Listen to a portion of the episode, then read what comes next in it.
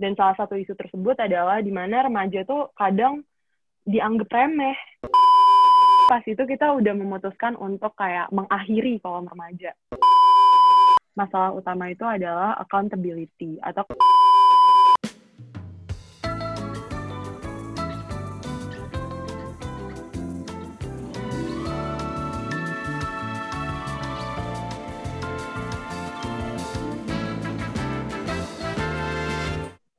Halo Peers, balik lagi di episode PR Podcast, lebih tepatnya di segmen Ruang Tamu.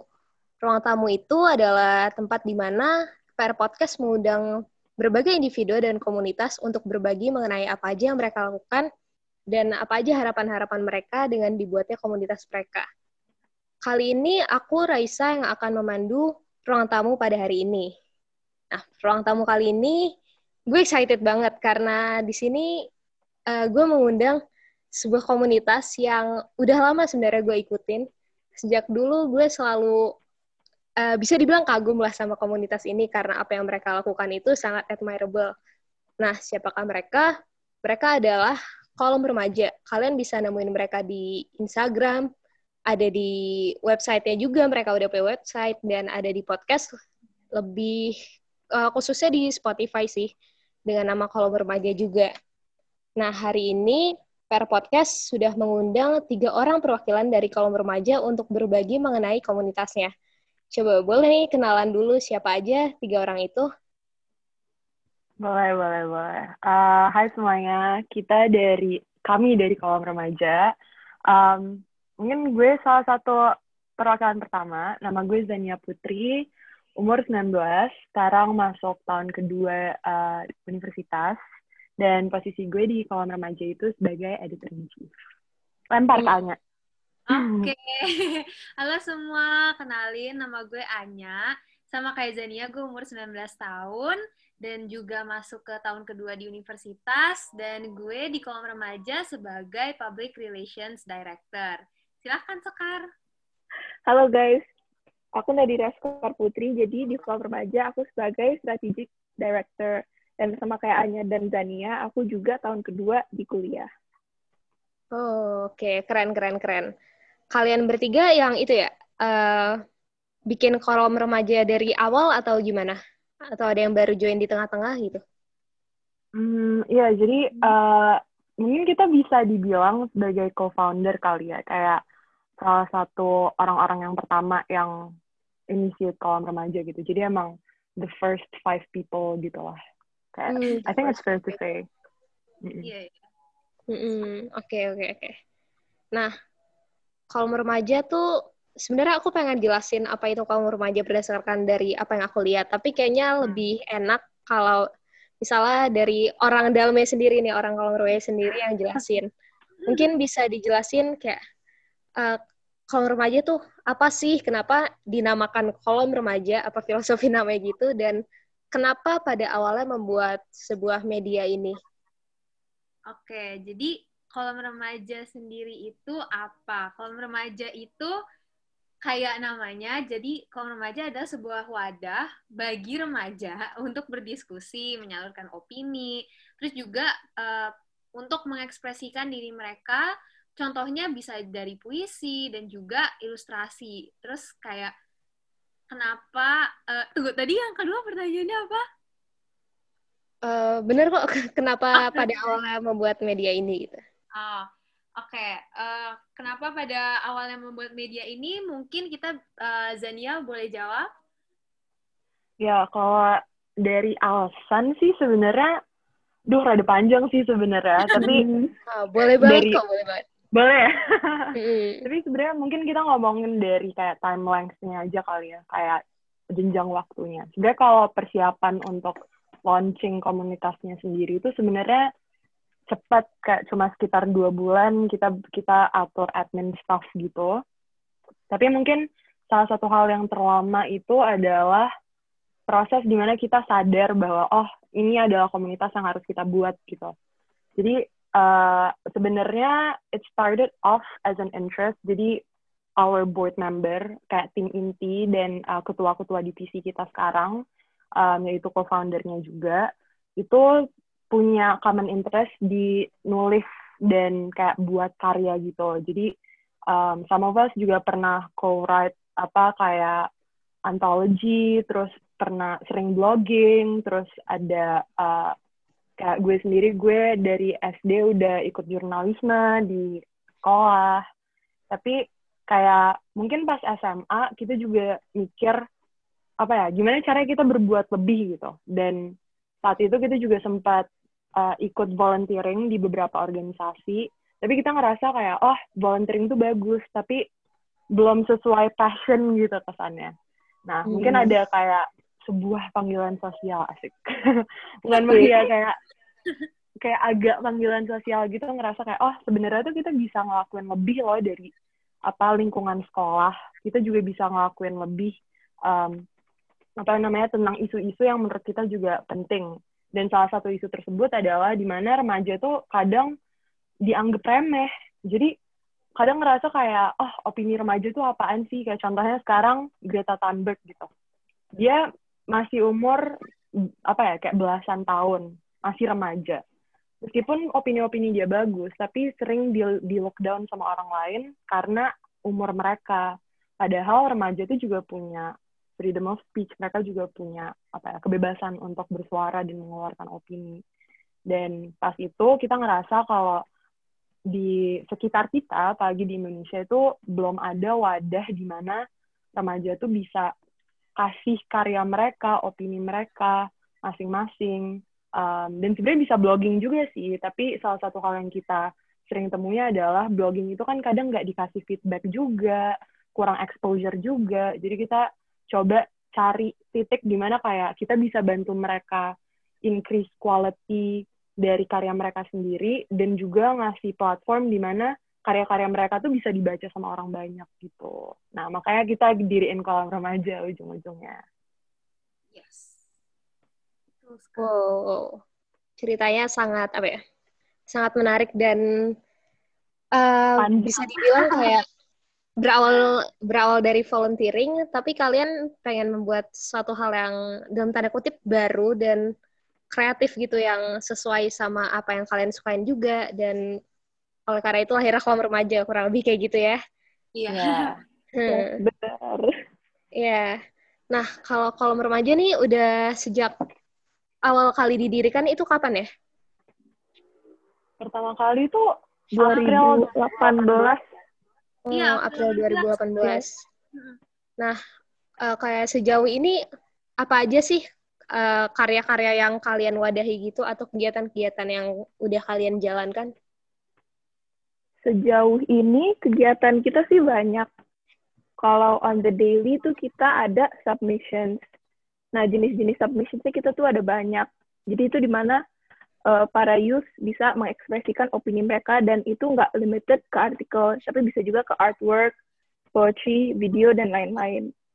Kalau kegiatan besarnya, kemarin uh, Juli kita ada Instagram Live dengan Max narasumber ya dari uh, Amerika. Di situ kita ngomongin tentang isu-isu sosial. Waktu itu kita ngomongin tentang Black Lives Matter. Di situ kita juga open discussion di chatnya. Jadi ada Q&A session juga. Jadi bisa dibilang a small webinar. Nah, untuk kegiatan kedua, kita kemarin uh, ada summer internship itu around kapan nih guys? Juli uh, ya? Di akhir kalau nggak salah. Ya Juli hmm, akhir kita ada in, kita buka internship untuk dua departemen content creator dan desain. Buat ke depannya sih kita punya a lot of plans, tapi for sure yang kita bakal jalanin itu winter winter like winter internship kita. Mungkin sekitar Desember atau awal Januari dan kita juga bakal ada ngadain workshop jadi tune in ya guys. wow udah banyak ya agenda ke depannya oke okay. kalian untuk yang mendengarkan ini kalian bisa langsung cek Instagram kolom remaja sekarang follow dan ikutin kegiatan-kegiatan menarik dari mereka ke depannya ya yeah. nah yes. oke okay. nah ini aku, aku dengar penjelasannya tadi kayak udah keren banget gitu kalian ngelakuin udah melakukan kurang lebih banyak hal dan untuk ke depannya juga udah banyak rencana-rencana yang uh, insya Allah bukan cuma wacana gitu. Nah, tapi aku kan sempat ngikutin kolom remaja dari awal dan ada masanya kalian sempat break dulu kan beberapa saat. Nah, waktu itu kenapa memutuskan untuk kayak vakum dan selama vakum itu sebenarnya apa yang direncanain dan apa perbedaan dari sebelum dan setelah kalian vakum gitu? Mungkin gue dulu kali ya guys, karena boleh boleh. I think kita punya beberapa perspektif yang beda soal kayak hiatus kita gitu pas itu. Um, jadi sebenarnya, uh, to be frank, kita tuh pas awal-awal kolom remaja didirikan, kita tuh punya visi yang jelas gitu. Kayak visi kita tuh jelas di mana kita pengen kasih wadah untuk promote freedom of speech atau ke, uh, kebebasan beropini. Tapi mungkin yang sulit untuk dicari adalah gimana caranya kita bisa apa ya ngeluarin konten yang bagus, terus sistem mekanisme kerja yang bagus, tim manajemen yang bagus gitu. Itu hmm. masih salah satu hal yang sangat sulit kita sangat sulit kita lakukan pas itu. Apalagi um, maksudnya kerjaan kayak gini kan bukan full time job kan kita juga masih ada responsibility sebagai pelajar juga jadi kita masih coba untuk uh, apa ya luangin waktu gitu. Nah uh, pas, pas saat itu uh, kalau nggak salah kita break itu dari uh, November sampai April ya. Iya. Itu sebenarnya sebenarnya itu pas itu kita udah memutuskan untuk kayak mengakhiri kolom remaja. Jadi kayak yeah. kita itu bukan break kayak kita benar-benar ngerasa kayak oh we don't think that we can like do it any longer gara-gara pertama ya mismanagement itu kita belum terlalu punya struktur organisasi yang kuat pas itu. Terus beberapa orang juga um, kuliah kan mereka adjust ke mm-hmm. kuliah terus sibuk juga terus akhirnya beberapa orang ngerasa tanggung jawab di kolom remaja juga jadi makin banyak. Jadi uh, kayak kayak domino effect gitu lah satu orang kecapean terus semuanya kecapean juga gitu. Nah akhirnya sebenarnya tuh setelah setelah kita push terakhir kalau nggak salah tuh bulan September kita bilang sebenarnya ya udah kita break aja dua bulan. Terus dalam dua bulan itu sebenarnya kita juga udah merencanakan kira-kira kolom remaja. Relaunching kolom remaja yang baru itu kira-kira bakal gimana. Tapi sekitar bulan November kalau nggak salah ya guys kita ngerasa kayak apa namanya uh, semuanya pada sibuk. Terus kira-kira juga kayaknya uh, ini kurang jelas juga. Jadi akhirnya kita memutuskan untuk kayak mengakhiri tapi mungkin salah satu uh, berkah corona di tahun ini sih sebenarnya. Iya. yang ngebuat kita kayak aduh kangen banget nih sama kolam remaja. Karena beberapa dari kita juga kayak temen deket juga kan. Terus kayak wah sebenarnya kalau misalnya gabut-gabut juga kita bisa bener-bener build kolom remaja from like the foundation juga dan bener-bener ngebuat found, apa fondasinya tuh kuat dan akhirnya that's something that we do. Akhirnya bulan Maret kalau nggak salah ya guys. Yeah. kayak Maret yeah, kita sempat Maret. ngomong kita sempat ngomong di grup gitu kayak aduh kangen koram terus beberapa orang juga nge DM kayak koram kapan buka? Koram kapan balik? Uh. terus kita yang kayak apa ya merasa tersentuh. Terus akhirnya sebulan, sebulan itu kita bener-bener kayak cuma meeting doang.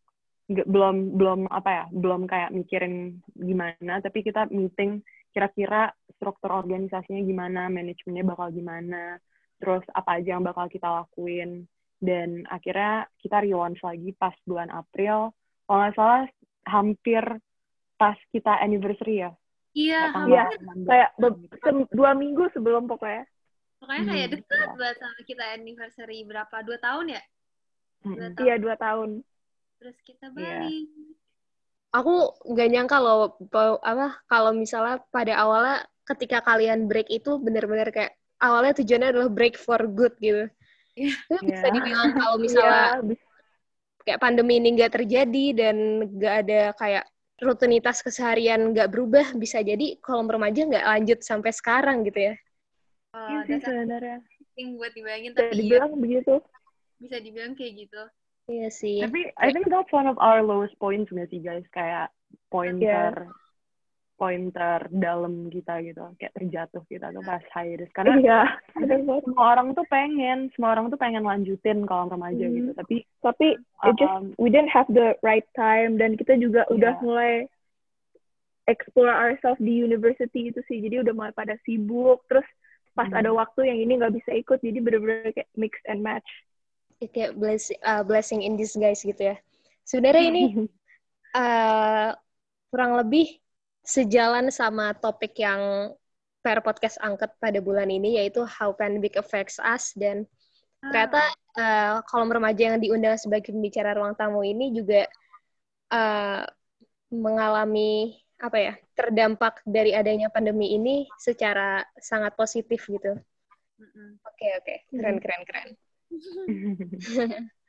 nah kan sekarang ini apalagi selama pandemi ini ya pilihan kita terbatas kan untuk melakukan suatu aktivitas sosial atau berkomunitas dan segala macamnya dan yang kebanyakan orang-orang lakuin sekarang ya kebanyakan lewat sosial media gitu. Apa sih yang membedakan kaum remaja dari Eh, media-media uh, yang ada sekarang gitu di Instagram atau di yang lainnya yang mungkin sama-sama bergerak di bidang yang serupa gitu, bidang kayak pengembangan potensi remaja gitu. Menurut kalian ada nggak sih keunikan yang membuat kaum remaja itu stand out atau setidaknya unik gitu dibandingkan media lain? Salah satu strength kita mungkin submission kita tuh selalu buka ya, jadi kita nggak pernah close submission. Itu juga in a way kita encourage youth and everyone to speak up and pokoknya kayak it's not late for them to express their opinions makanya submissions kita selalu buka dan kita juga selalu nerima semua submissions dan hmm, kita yeah. juga ada proses editing gitu jadi nggak bukan it's not up to us tapi kita juga berkolaborasi dengan mereka jadi it's their article mereka yang mereka dan dengan bantuan kita kita edit bareng untuk produce the best quality. Nah menurut aku itu yang membedakan Colorum dengan komunitas-komunitas lainnya. Ya sih, gue setuju. Karena uh, yang tadi dibilang juga sebenarnya mungkin yang Sekar bilang tuh uh, lebih kayak ke hierarki gitu sih.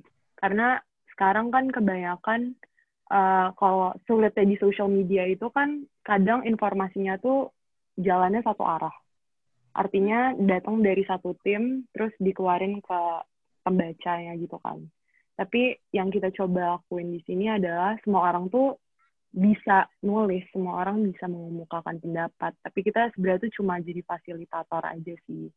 Dan um, mungkin itu salah satu hal yang membedakan.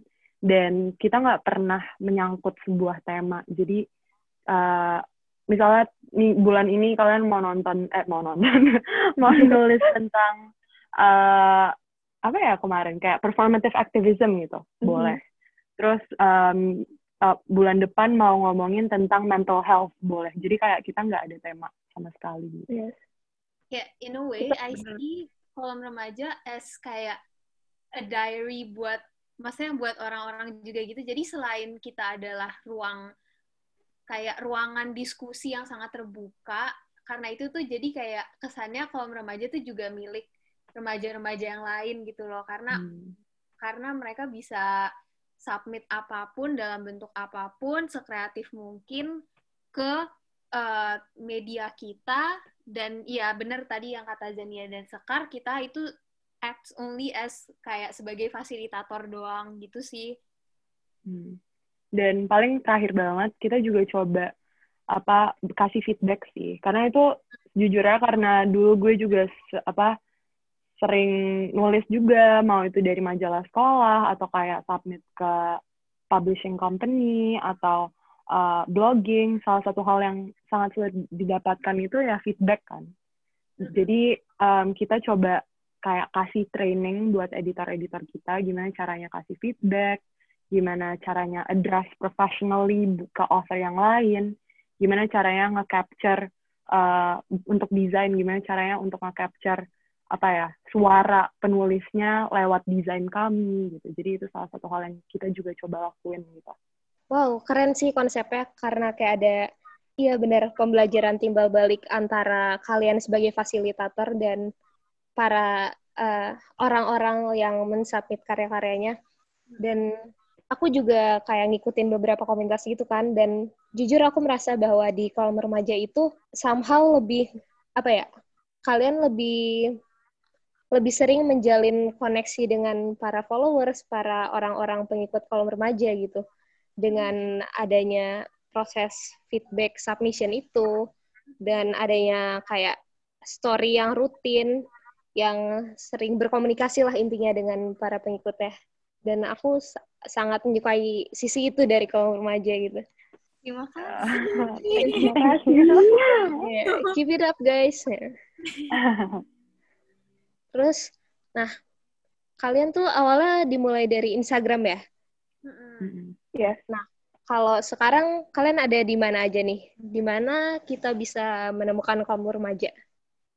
Okay, kalian jadi, bisa Instagram kan tadi ya pasti. Uh, uh, Instagram, terus kita ada Spotify, terus kita ada website. Jadi itu website itu adalah tempat di mana kita post hampir semua artikel-artikel yang disubmit sama orang-orang. Ter, uh, terus itu pokoknya semua di website dan juga YouTube. Nah, tapi kalau sekarang ya, itu yang mainnya itu adalah Instagram at kolom remaja, terus uh, website kolomremaja.com, dan Spotify. Kenapa YouTube belum? Karena kita uh, sebenarnya tuh kita udah punya udah ada YouTube dan udah ada kontennya dari uh, submission submission uh, yang lama apa dari orang yang dulu-dulu tapi karena sekarang kan lagi kita nggak boleh keluar rumah kan jadi karena safety protocols YouTube di mana kita semua bisa ngumpul kan serunya gitu kan itu belum bisa dilaksanain gitu sih jadi main tiga itu Instagram website sama Spotify Hmm, Oke, okay. Instagram, website, dan Spotify, dan semuanya dengan nama yang sama ya, kolom remaja. Yes. Iya. Yes. Oke. Okay. Nah, Kan tadi sempat diceritain tuh tentang bagaimana kalian menerima submission dan proses editing.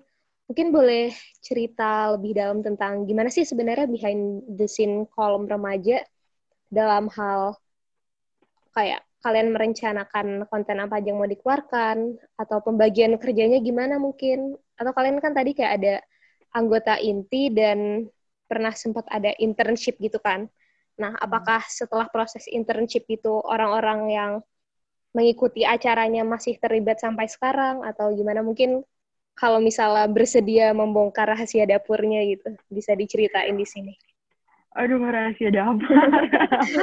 Enggak sih, sebenarnya sebenarnya tuh pretty uh, pretty standard juga nggak sih? Maksudnya kalau dari kita um, kita belajar kita sebenarnya kalau remaja tuh sangat fleksibel kayak semua orang-orangnya tuh impulsif banget di sini.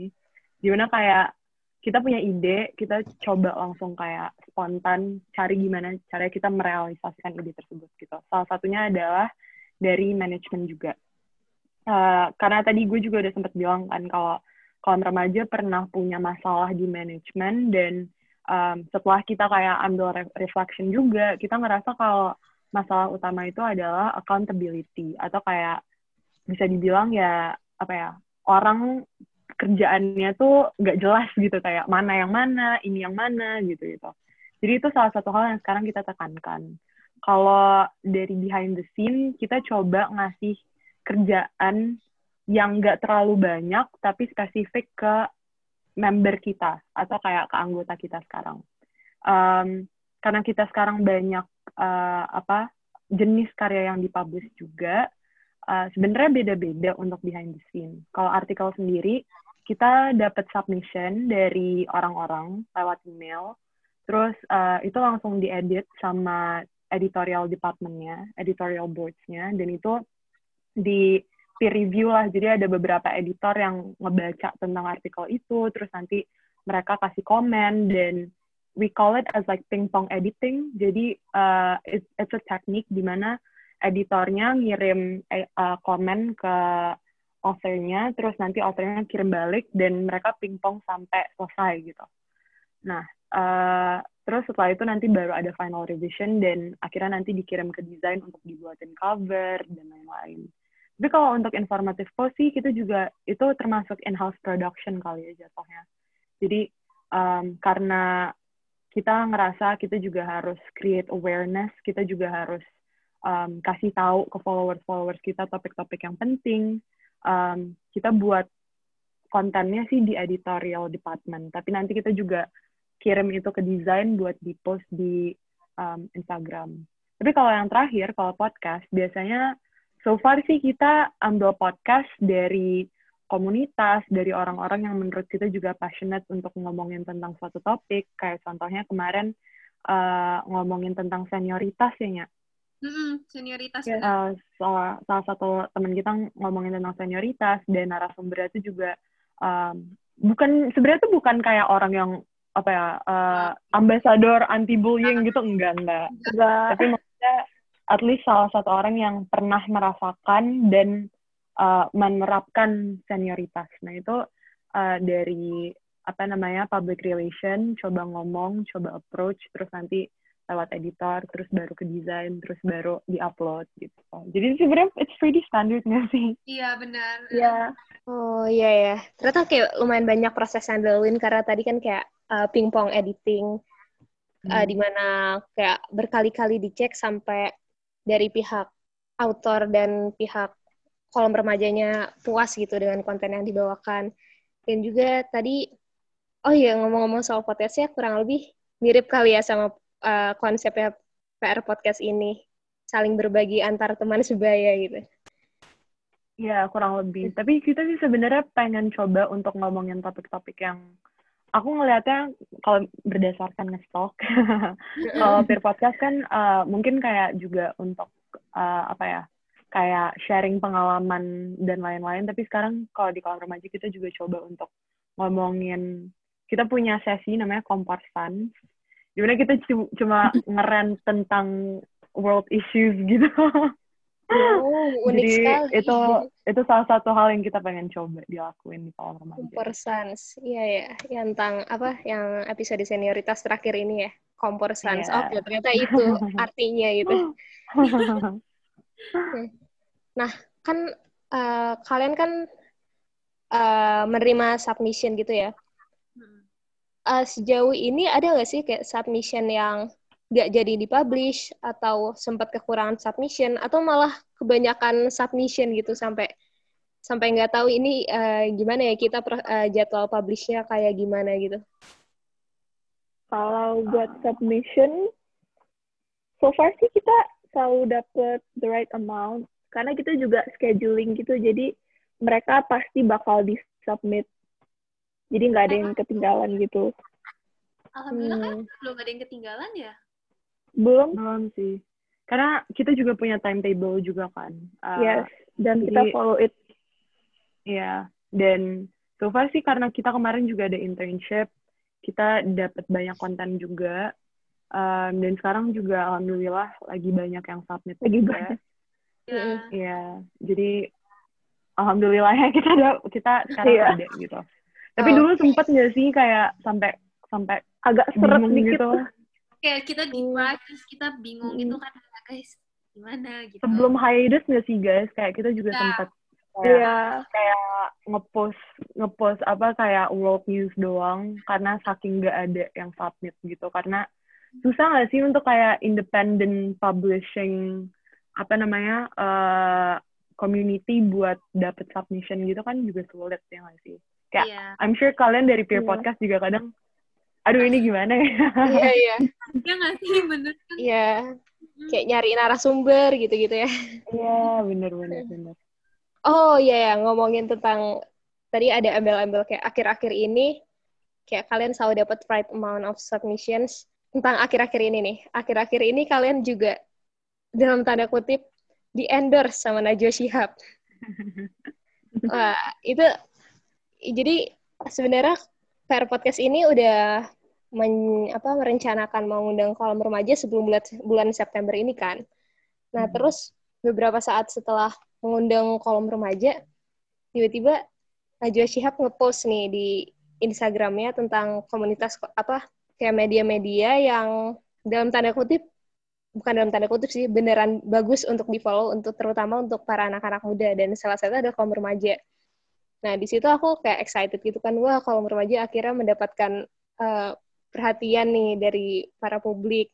Terus pas aku cek, ya ampun, kayak aku kaget banget followers kalian langsung nambah belasan ribu dalam waktu singkat gitu. Awalnya kayak dua ribuan, terus sekarang jadi empat belas ribuan. Nah, kayak uh, apa yang kalian pikirkan gitu terhadap kejadian itu dan kayak gimana perubahan sebelum dan setelah kalian dapat exposure itu? Honestly kayak kalau misalkan kita nanggepinnya tuh I think sampai sekarang pun kita masih uh, kayak kaget gitu ya sih guys? Uh, kayak such a big, masih apa ya? such a big change for us. unbelievable gitu. Tapi maybe untuk perbedaan, tapi kalau misalkan aku lanjut ya, kalau misalkan untuk perbedaan yang pasti karena kan gimana ya, dulu kan kita followersnya dengan 2000 dibanding kalau sama yang sekarang ya, mungkin kita DM pun juga nggak sebanyak itu menerima DM atau pertanyaan dan lain hal. Nah, dengan kejadian Mbak Najwa ini, Mbak Najwa Shihab ini, terus tiba-tiba followersnya membludak gitu, perubahannya itu kita langsung kayak mikir ke depannya mau kayak gimana kan karena oh if we kalau kita menggunakan strategi yang dulu pas kita belum terlalu banyak orang yang mungkin tahu dan uh, orang taunya mungkin karena uh, temennya pernah ngesapit dan lain hal. Itu kayak kalau sekarang jadi uh, apa ya gimana ya? Jadi lebih long term plan gak sih kayak iya long term plan bener dan karena ya kenapa tuh karena kayak baru banget dua minggu lalu kita meeting. Itu kayak kita kita coba ngomongin kira-kira setahun ke depan kalian ngeliat kolam remaja gimana gitu. Terus semua orang bilang kayak ya insya Allah kita bisa lah lima ribu gitu tahun depan. Bener bener. Oh my god. Bener banget. terus kita udah yang kayak ya udah tahun depannya gimana? Terus kayak sepuluh ribu lah biar bisa swipe up di Instagram Story. Gitu tapi mungkin kalau dari gue uh, di endorse sama um, Najwa Shihab tuh kayak mungkin salah satu blessing juga kali ya kayak um, salah satu mungkin kita juga bisa ngomongin kayak dukanya orang gitu kayak dari dukanya kita kan juga sering banget kayak di lockdown on gitu kan sama beberapa komunitas juga gitu Iya. Di- kayak dianggap Oh. kayak dianggap gimana ya kayak underdog gitu gak sih kayak Iya, bahasa kayak Hmm, termnya gitu sidekick lah, masih kecil. Karena kita Hmm, betul. On par, not on par pokoknya. Heeh. ya dan pas itu pas di endorse uh, kita tuh gimana sih bisa di endorse tuh kita nggak tahu nggak tahu out of nowhere gitu Heeh, kita tiba-tiba di DM. di DM kita di DM sama siapa ya pas itu dari narasi TV eh Eh, narasi dari TV. narasi. Eh, terus ditanya tentang kayak komunitasnya gimana dan lain-lain terus kita pun juga pas ditanya sama narasi kita nggak terlalu kayak expect uh, Oh. apa namanya sama Mbak Najwanya buat di post gitu loh kayak kita kira tuh itu masih survei kayak masih survei Iya. kira-kira Iya. siapa nih yang bagus eh terus uh, mungkin mereka juga suka sama uh, kayak kolam remaja as a whole gitu jadi Mm-mm. kita kita kaget sih dan uh, untuk long term plan ju- jujur sangat berubah karena target audience kita kan juga makin banyak kan. Jadi kita juga coba untuk apa ya kayak fokus di situ dan coba ngembangin kualitas ke orang sih. Kalau dari Scar gimana? Eh, kalau dari aku, iya sih, yang perubahan drastis tuh interaksi sih. Apalagi di Instagram, kalau pas awal-awal tuh, walaupun kita two-way communication, kadang tuh yang involved tuh dikit banget gitu. Padahal kita tuh pingin kayak post kita tuh orang-orang berdiskusi santai di comments-nya. Sebelum-sebelum kita di-mention tuh cuman kayak likes atau mungkin satu doang. Tapi kayak di post kita yang Timur Leste itu kita senang banget sih kayak jadi open discussion gitu dan orang kayak ada yang bilang A terus ada yang counter B jadi kita senang kayak di situ ada exchange of opinions jadi kalau orang bener-bener jadi wadah untuk use berekspresi begitu that's something that we really want to see dari awal gitu loh and to see that happening tuh beneran kayak Ya, seneng banget bikin tambah semangat sumpah iya bikin Iya. tahu Iya, iya. heeh. Sebagai sebagai media yang berkembang dan emang tujuan awal adalah untuk melihat orang-orang berinteraksi di media kita itu kayak sebuah hal yang sangat membahagiakan gitu. Hmm. Iya. banget Iya. Wow, wow, wow. Terus, em, oh ya, ini mungkin sedikit selingan. Udah bisa swipe up nih sekarang. Udah dong. Udah, keren. Nanti itu aku cek. hal hal pertama yang kita cek. Guys, bisa Iya, swipe up nggak? bisa kita beberapa aku cek. Wah, udah bisa swipe up. Akhirnya kita bisa. Nanti kita Nggak coba. perlu link in bio. Tapi udah bisa Iya. tinggal swipe up. Oke, congratulations. Nanti aku bakal cek lagi. Terima kasih. Thank you, Iya. thank you. Aku yakin bahwa untuk menjalankan media ini kan nggak mudah ya. Pasti diperlukan tenaga, diperlukan kayak waktu juga dari orang-orangnya. Nah, mungkin emang tujuan utama kalian ya untuk berbagi kepada para remaja dan memberikan media alternatif yang bermanfaat gitu untuk para remaja. Tapi apakah sejauh ini ada rencana untuk apa ya, mengambil profit gitu dari apa yang kalian lakukan? Mungkin kalau misalnya kalian bersedia cerita tentang hal ini, boleh diceritain. Kalau so far kita sebenarnya kita sempat ambil profit, tapi profitnya itu untuk komunitasnya Untuk sih. Hmm. Iya. Jadi kita sempat jual merchandise kayak beberapa kayak setahun yang lalu kalau nggak salah. Um, dan kita gunain uangnya untuk bikin uh, website, terus uh, untuk beli apa ya kayak beberapa hal untuk kayak konten gitu. Jadi emang so far sih dipakai untuk koran. Tapi mungkin juga kalau pendengar-pendengarnya juga apa ya terlibat di sebuah media publishing, sangat sulit juga nggak sih untuk kayak sebuah media publishing untuk strive without profit gitu kan itu juga sangat sulit dan I think dana tuh salah satu hal yang kita struggle a lot nggak sih guys? Benar. Iya, bener banget. Karena sebenarnya kita nggak terlalu banyak pengeluaran, tapi kita ada pengeluaran dan kalau misalnya nggak ada dana yang masuk itu kadang bingung gitu dan kita juga nggak mau nge-charge uh, apa member kita karena so far mereka juga kerja gratis dan kalau orang tua Iya. lama-lama juga jadi part time job juga malah full time job gue. Uh, Iya, kayak bener-bener kerja dari kayak 9 to 5 kadang untuk korum doang gitu. Dan kita juga pengen ngapresiasi apa uh, member-member kita yang kerja keras di korum jadi in the future kita coba untuk ambil profit di mana kita pengen um, ngebagi itu untuk korum untuk anggota dan beberapa juga untuk komunitas atau kayak um, donasi dan lain-lain gitu. Aku setuju sih kayak mungkin kayak ada beberapa anggapan bahwa apa ngambil profit dari sebuah eh, ya bisa dibilang NGO lah itu kayak bukan bukan tujuan utama dari organisasi itu tapi yang nggak bisa dipungkiri bahwa eh, itu esensial gitu buat hidup orang-orang gitu kan apalagi kalau misalnya Iya. kalian pengen terus-terusan mengeluarkan konten yang berkualitas Tapi sih Korum sekarang bukan NGO sih sebenarnya kayak um, kita we're not claiming that we are non-profit organization. Um, Mm-mm. Kita kita sekarang itu sebagai kayak media publishing sebenarnya. Tapi mungkin yang ngebuat kita beda kali ya sama misalnya kayak media publishing yang, yang lain kayak asumsi dan lain-lain gitu. Mungkin karena uh, kita punya misi untuk kayak komunitas gitu, kayak promote freedom of speech, terus uh, apa spread awareness. Jadi itu salah satu hal yang kita trying to give back gitu. Tapi kalau sekarang sih we're not claiming ourselves as NGO gitu. Hmm, oke oke. Ya, semoga harapan kalian untuk membentuk kaum remaja sebagai komunitas yang lebih luas yang bisa memberikan dampak lebih besar bisa segera terwujud gitu ya. Amin. Amin. Mungkin itu kan menurut aku nih, menurut aku harapan untuk kaum remaja adalah seperti itu.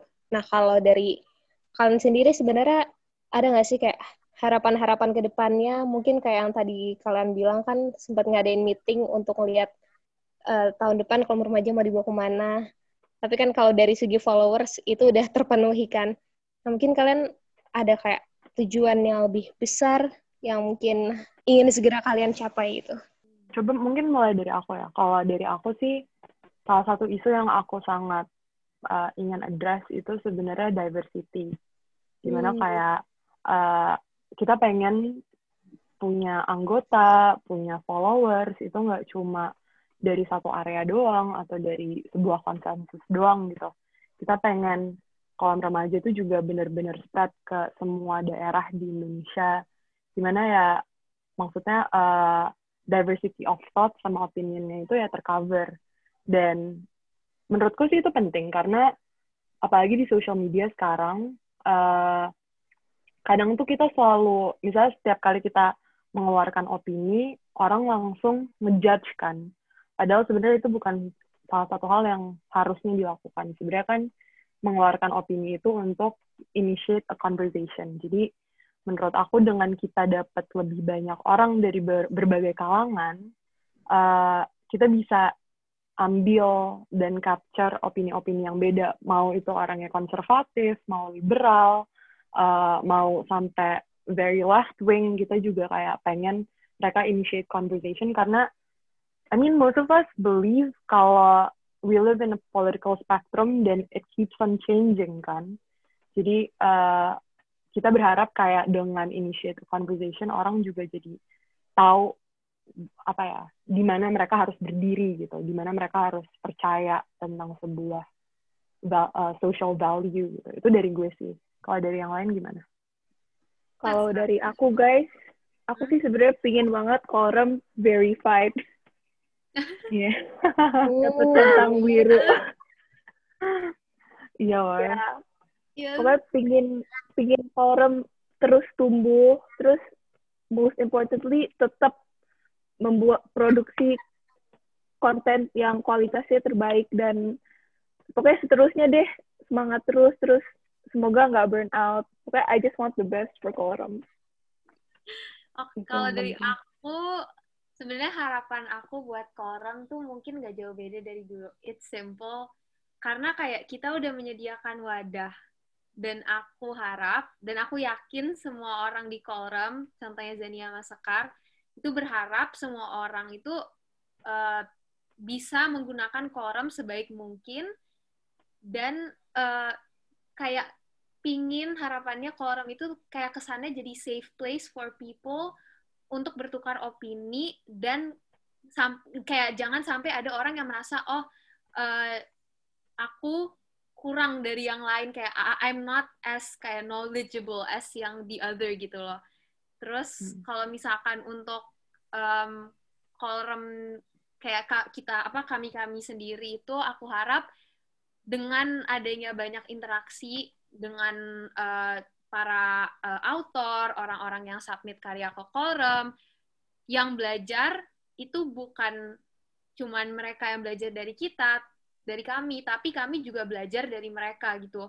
Dan kami yang pasti juga belajar uh, dari satu sama lain. Karena kan pasti kalau di organisasi kan soft skill kan banyak juga yang diasah. Jadi harapan untuk ke depannya adalah biar untuk selalu semangat dan menjadikan uh, jangan sampai jadi kayak beban gitu loh. Jadi selalu uh, ngelihat all the ups and downs as something yang bisa diambil positifnya. Gitu sih kalau dari aku.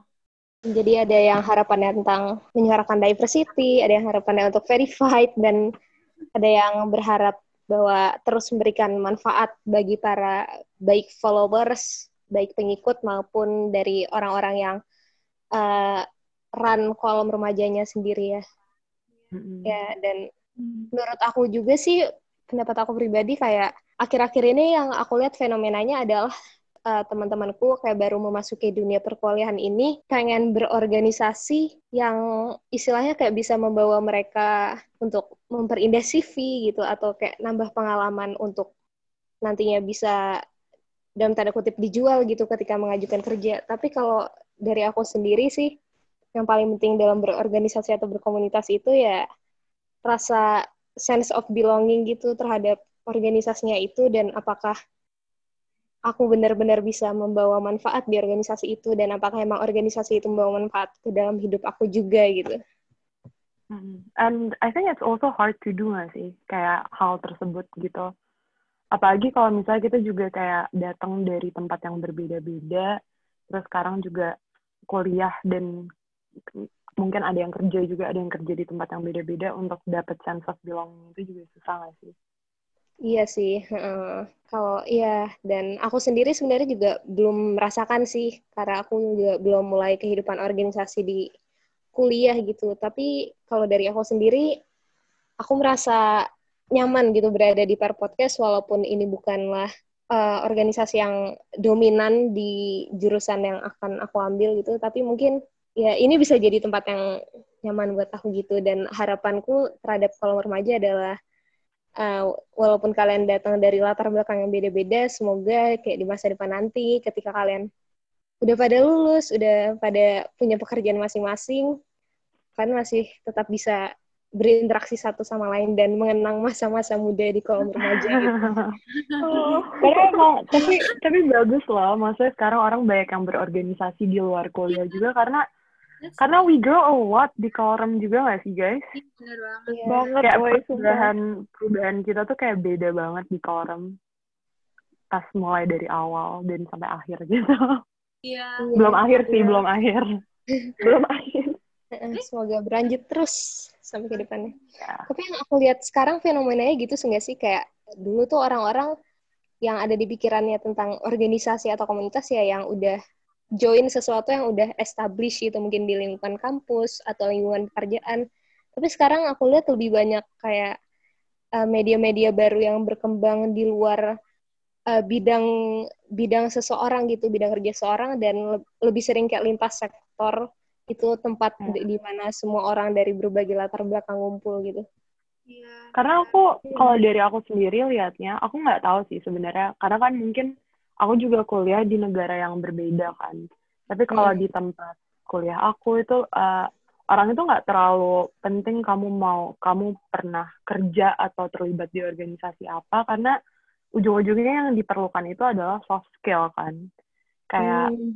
kira-kira kamu bisa nggak uh, apa namanya ngomong sama orang lain, punya communication skill atau enggak, interpersonal skill atau enggak, time management atau enggak, dan itu tuh enggak necessarily have to come from an organization that relates to your subject gitu nggak sih? Iya, sih. Jadi, Mungkin itu juga salah satu hal yang nanti dilihat di Indonesia gitu. Hmm, Semoga. I, I want to appreciate tadi apa yang Raisa ngomong kayak the fact that maksudnya dia maksudnya kayak kamu uh, kayak lo ngomong kan kalau nggak ada hubungannya sama mungkin apa yang akan lo kerjaan kerjain di uni gitu tapi the fact that di si di PR podcast aja gitu uh, kayak kamu bisa merasa uh, apa seneng doing what you love kayak I think itu adalah alasan and it should be the main reason why kita kayak pemuda-pemuda itu berorganisasi gitu loh. Karena kan kayak contohnya misalnya di beberapa orang di kolam kan juga kayak mungkin di kolam nggak ada hubungannya kan sama kayak kuliah mereka gitu. Jadi and as kayak Zania said kan di kerja nanti tuh kita butuh soft skill kan. Jadi kayak ya sebenarnya as long as you like being in an organization kayak mau itu verified atau tidak dan malahan starting small dari sesuatu yang kecil terus kayak bertekad untuk membuat itu menjadi lebih besar lagi itu malahan yang sebenarnya harus diapresiasi gitu sih dan kayak mungkin gak banyak orang yang tahu the struggle untuk mencapai ke atas itu gitu jadi kudos juga untuk kalian semua oh yeah. makasih banyak Yeah. Jangan masih panjang ya. Yes. nah, kan sebenarnya udah cukup panjang ya percakapannya dan aku udah memuaskan rasa keingintahuanku juga dengan bertanya-tanya tadi. Tapi ada nggak sih kayak hal yang pengen kalian sampaikan? Mungkin ada mungkin kayak pesan terpenting atau highlight yang ingin kalian ya yang ingin kalian garis bawahi gitu dari percakapan ini yang mungkin belum sempat kebahas tadi atau udah sempat dibahas tapi pengen kalian sampaikan lagi karena itu menurut kalian yang paling penting itu coba dari kalian bertiga gimana? Hmm, hmm, kalau apa dulu nih? Boleh kamu dulu cek. Oke, oke oke.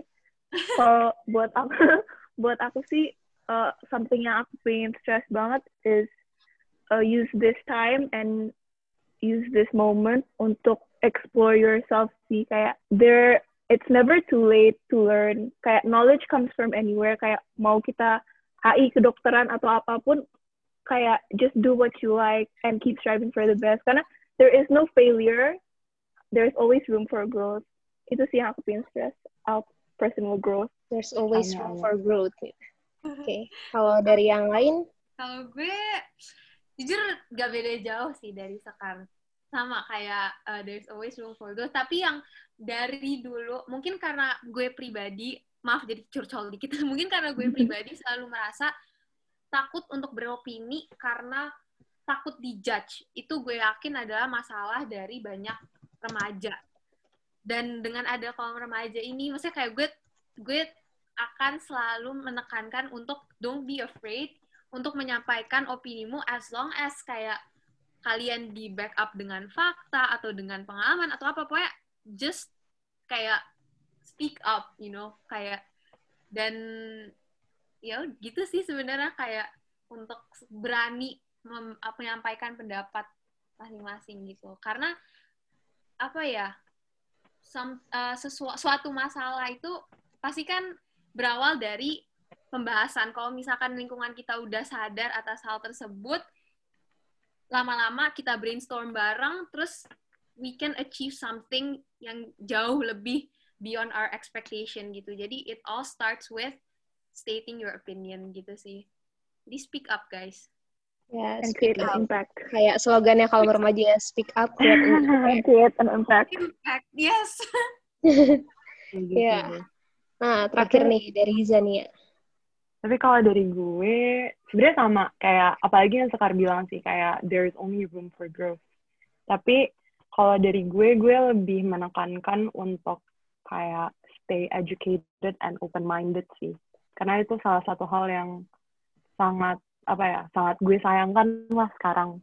Gimana orang, gimana ya, kayak gue ngerasa, dan ngerasa seneng gitu. Orang-orang sekarang sering banget speak up tapi mungkin kalian juga uh, familiar sama cancel culture kan? Iya. Yeah, Gimana yeah. kayak misalnya kayak satu orang ngomong A, terus banyak orang yang disagree, terus mereka langsung di cancel gitu. Dan menurut gue it's not growth yang kita pengen sampaikan gitu. Maksudnya kayak orang-orang tuh beda-beda, orang-orang punya different values, different religions, uh, punya apa statement politik yang beda. Tapi yang kita harus lakuin adalah untuk yang tadi Anya bilang, create a conversation atau opinion yang konstruktif. Jadi kayak mau mengkritik tuh harus lebih konstruktif gitu. Dan apa ya, mungkin salah satu hal yang pengen gue tekanin juga kalau misalnya kita punya platform, coba digunain. Karena social media itu sangat-sangat, apa ya, sangat-sangat powerful juga. Dan gue pun belajar tiap hari itu dari social media teman gue ngepost tentang informatif post A, gue belajar dari situ. Jadi um, meskipun the idea of freedom of speech itu lets you to have an opinion or not to have an opinion, tapi gue sangat kayak mengencourage orang-orang at least buat baca hal-hal yang penting yang ada di dunia, hal-hal penting yang ada di sekitar, tapi juga coba repost itu di social media uh, biar teman-teman yang lain juga tahu dan paham dan kayak dapatlah informasinya gitu. Itu kalau dari gue sih gitu Wow, oke okay, oke. Okay. Aku suka nih kayak pesan yang kalian sampaikan tadi saling berkesinambungan satu sama lain, saling melengkapi gitu. Kayak hmm. tadi Sekar pesannya tentang there's always room for growth dan kemudian dilanjutkan dengan Anya yang tadi kayak dengan kita berkembang itu dimulai dari kita yang berani untuk beropini dan kemudian dilengkapi lagi sama Zania bahwa untuk beropini juga diperlukan apa ya diperlukan apa keterbukaan pikiran dan juga kehati-hatian gitu dan bijak dalam menyuarakan opini keren banget keren banget itu aja pembahasan kita pada hari ini dan aku senang banget karena banyak banget hal yang bisa aku pelajarin dari percakapan kali ini Makasih banyak pada kolom remaja yang udah bersedia hadir pada hari ini. Dan aku berharap ke depannya kita bisa... Podcast. Ih, sama-sama.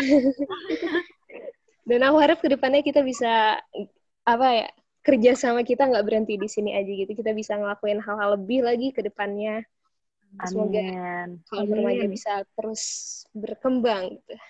Nah, Firs, itulah obrolan kita pada hari ini. Semoga kalian juga bisa mendapatkan manfaat dari apa yang disampaikan oleh perwakilan dari kolom remaja ini, sebagaimana aku juga mendapatkan manfaat yang begitu banyak dari obrolan pada hari ini.